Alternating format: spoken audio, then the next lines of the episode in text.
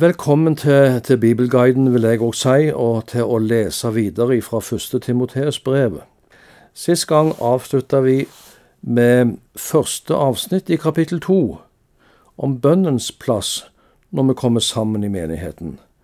I dag skal vi lese andre del av kapittel to, fra vers 8 til 15 på hvert sted vil jeg at mennene skal be med løftede og rene hender, uten sinne og strid. På samme måte vil jeg at kvinnene skal ha en fin fremferd. De skal smykke seg med måte og forstand, ikke med alle slags fletninger, gullsmykker, perler eller dyre klær, men med gode gjerninger, slik det passer seg for kvinner som vil leve gudfryktig. En kvinne skal ta imot opplæring i stillhet og underordne seg i alt. Jeg tillater ikke en kvinne å undervise eller bestemme over mannen, hun skal være stille. For Adam ble skapt først, og så Eva. Og det var ikke Adam som lot seg lokke, men kvinnen lot seg lokke og brøt budet. Men hun skal bli frelst gjennom barnefødselen, bare de viser forstand og lever i tro, kjærlighet og hellighet. Ja, dette er et avsnitt som har vært og er mye diskutert, hvordan kvinner og menn skal ferdes i Guds hus. Et stort og vanskelig tema, men noen tanker ifra dette avsnittet vil jeg gjerne nevne. Og en innledende tanke, da. Den kristne forsamling er som Guds hus. De troende danner et fellesskap som Guds husfolk. Og den som skal være leder, tilsynsmann i Guds hus, ses på i analogi med husfarens ansvar i heimen, som det står noe om seinere i første Timotees brev. Han kalles også en husholder over en husholdning. Og Denne sammenheng kan være nyttig å ha i tankene når vi nå går videre. Versene åtte til ti sier noe om menn og kvinners deltakelse i menighetens bønnetjeneste. Det, at, det står at når mennene ber, så skal de be med løftede og reine hender, uten sinne og strid. Løftede hender, ja, det var en vanlig jødisk bønnestilling. Vi er vant kanskje til å knele og be mer før enn nå. Uh, vi er mer vant med å folde hendene når vi ber. Og hva bønnestilling en har, er ikke det avgjørende. Men det står at en skal be med rene hender betyr å komme fram for Gud med et sant og ærlig hjerte, uten sinne og strid. Kanskje en formaning om at har du noe utestående med noen, så gå først og gjør opp med vedkommende før du stiger fram for Gud i bønn i din forsamling. Altså en ekte og hellig holdning når du ber. Når kvinnene ber, står det videre, så skal de ha en fin framferd, står det i vers 9. Kle seg i sømmelighet, står det i en annen oversettelse. De skal smykke seg med måte om forstand, og det gjelder måten en kler seg på, og måten en framtrer på. Ikke vekke unødig oppsikt. En kvinnes vakreste kledning, står det, er kjærlighet til Jesus og gode gjerninger mot andre. Og det gjelder for så vidt for enhver kristen. Og så sier versene 11-15 noe om kvinnens plass og tjeneste i menigheten. Det står hun skal ta imot læren i stillhet. Hun skal underordne seg. Hun skal ikke opptre som lærer. Hun skal ikke være mannens herre. Hun skal være i stillhet. Ja, hvordan skal vi forstå dette? Kan vi kanskje først understreke at det er ikke et totalt påbud til kvinnen om å tie i forsamlingen.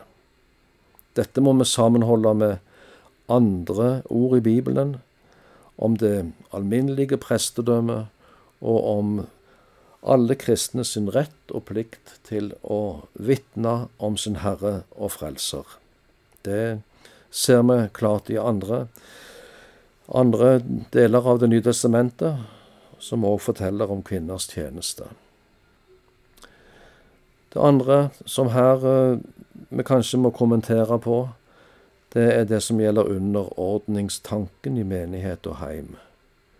Efeserbrevet 5 sier noe om dette, og bruker analogien mellom mann og kvinne eh, som forholdet mellom Kristus og menigheten. På den ene sida skal vi underordne oss under hverandre, og på den andre sida en tjenestedeling mellom mann og kvinne i heim og menighet som Bibelen skisserer. Og Når det gjelder dette taleforbudet, så handler vel det om at en kvinne ikke skal opptre som lærer i en bestemt tjeneste i forsamlingen.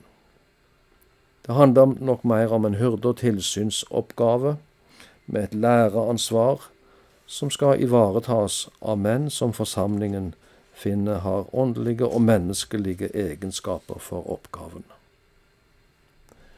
Og Hvis vi ser litt videre i versene 13 14, så kommer begrunnelsen for denne tjenestedelingen. Vers 13 sier at den er begrunna i skapelsesberetningen. Det handler ikke om rang. Både kvinner og menn er likeverdige for Gud, men det handler om en forskjell i tjeneste. Begrunna ut ifra skapelsesberetningen at Gud skapte mennesket til mann og kvinne. Og så er det faktisk òg begrunna i syndefallet. Fristelsen utvikla seg gjennom kvinnen til mannen. Begge har skyld, og Adams fall førte til skyld for alle mennesker. Denne begrunnelsen i skapelse og syndefall sier oss at det ikke er noe tidsbestemt i forskjell i tjenester i den troende forsamling. Det er teologisk forankra i noe som på en måte er uforanderlig. Til slutt, i dette kapitlet, så står det et vanskelig vers. Vers 15. Står noe om at kvinnen hun skal bli frelst gjennom barnefødselen. Noen mener at dette verset er en henvisning til Jesu fødsel, og at kvinnen her er Maria. Men verset kan òg forstås som en henvisning til det som er kvinnens enestående oppgave, nemlig å føde barn. Frelsen er her da å forstå som den endelige frelsen, som nås gjennom troens liv og etterfølgelse. At det handler om å finne sin plass i Guds skaperordning, i en tjeneste i heim og menighet. Bare de viser forstand og lever i tro kjærlighet og hellighet. Dette kan ikke bli en grundig gjennomgang, men avsnittet sier noe om et bibelsk prinsipp om en tjenestedeling mellom mann og kvinne i den troende menighet. Men å trekke klare og enkle linjer fra disse bibelversene over på våre fellesskap og forsamlinger i dag er ikke enkelt. Men at det finnes en tjenestedeling mellom menn og kvinners tjeneste, det står ved lag ut ifra Bibelen. Og så får vi være ydmyke og vise respekt for uenighet om hvordan dette skal anvendes inn i våre sammenhenger i dag. Men bønn og tjeneste for både menn og kvinner i den troende forsamling, det sier dette kapitlet i 1. Timoteus mye om. Og med dette avslutter vi for i dag. Må Gud signe dagen videre for deg.